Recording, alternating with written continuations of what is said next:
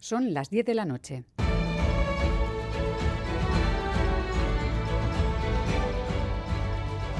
Radio Euskadi y Radio Vitoria. Servicios informativos.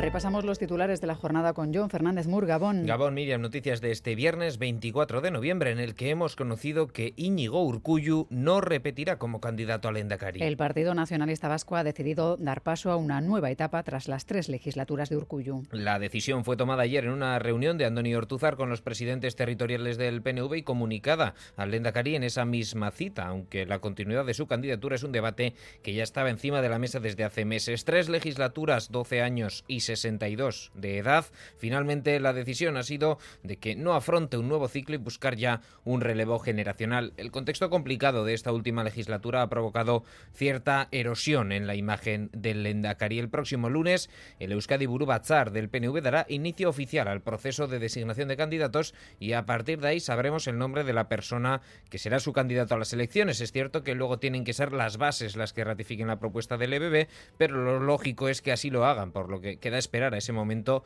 en que la dirección del partido diga quién es la persona que va a liderar esa candidatura del Partido Nacionalista Vasco en busca de suceder a Íñigo Urkullu, Lendakari de 2012 hasta el año 2024. El hombre que robó una pistola a una archaña la pasada semana sigue en libertad. Y su expareja, de alto riesgo por sufrir eh, violencia machista, se ha pasado esta tarde por Euskal Televista. Ha asegurado sentirse angustiada y ha afirmado que fue ella la que tuvo que llamar a la archaincha para que la protegieran las autoridades no se pusieron no se pusieron en contacto conmigo, o sea, yo me enteré por las personas, eh, yo veía esos vídeos, yo sabía que era perfectamente él, por donde habían grabado los vídeos y así, porque era donde yo vivía con él, entonces yo cuando vi eso fui la primera en llamar a la policía y, decir qué, qué, es lo que estaba pasando. Y luego, eh, si fueron los que dijo la policía, ah, pues eres tal persona, ah, pues claro que sí, eh, ¿dónde es donde te encuentras ahora mismo? Tuve que decir dónde me encuentro para que vendrían esas eh, patrullas a rodear mi zona y todo, porque estaban haciendo una vigilancia donde no era. Este viernes ha entrado en vigor el alto el fuego en Gaza. Israel ha excarcelado a los primeros 39 presos palestinos como parte del acuerdo alcanzado con el eh, grupo islamista Hamas, que ha liberado a 24 rehenes, 13 de ellos israelíes. El presidente español Pedro Sánchez, en el paso fronterizo de Rafah, ha abogado por el reconocimiento del Estado palestino.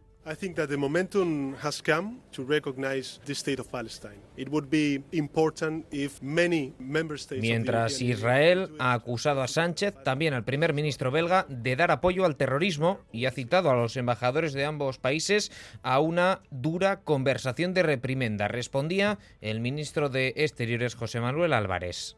Las acusaciones son totalmente falsas e inaceptables y habrá una respuesta. Siempre hemos subrayado el derecho de Israel a defenderse de este ataque terrorista. Esto no es incompatible con el mensaje y es que ese derecho a defenderse debe hacerse dentro del escrupuloso respeto del derecho internacional humanitario. Es todo más noticias en una hora y en todo momento en itv.eus y en la aplicación ITV Albisteac.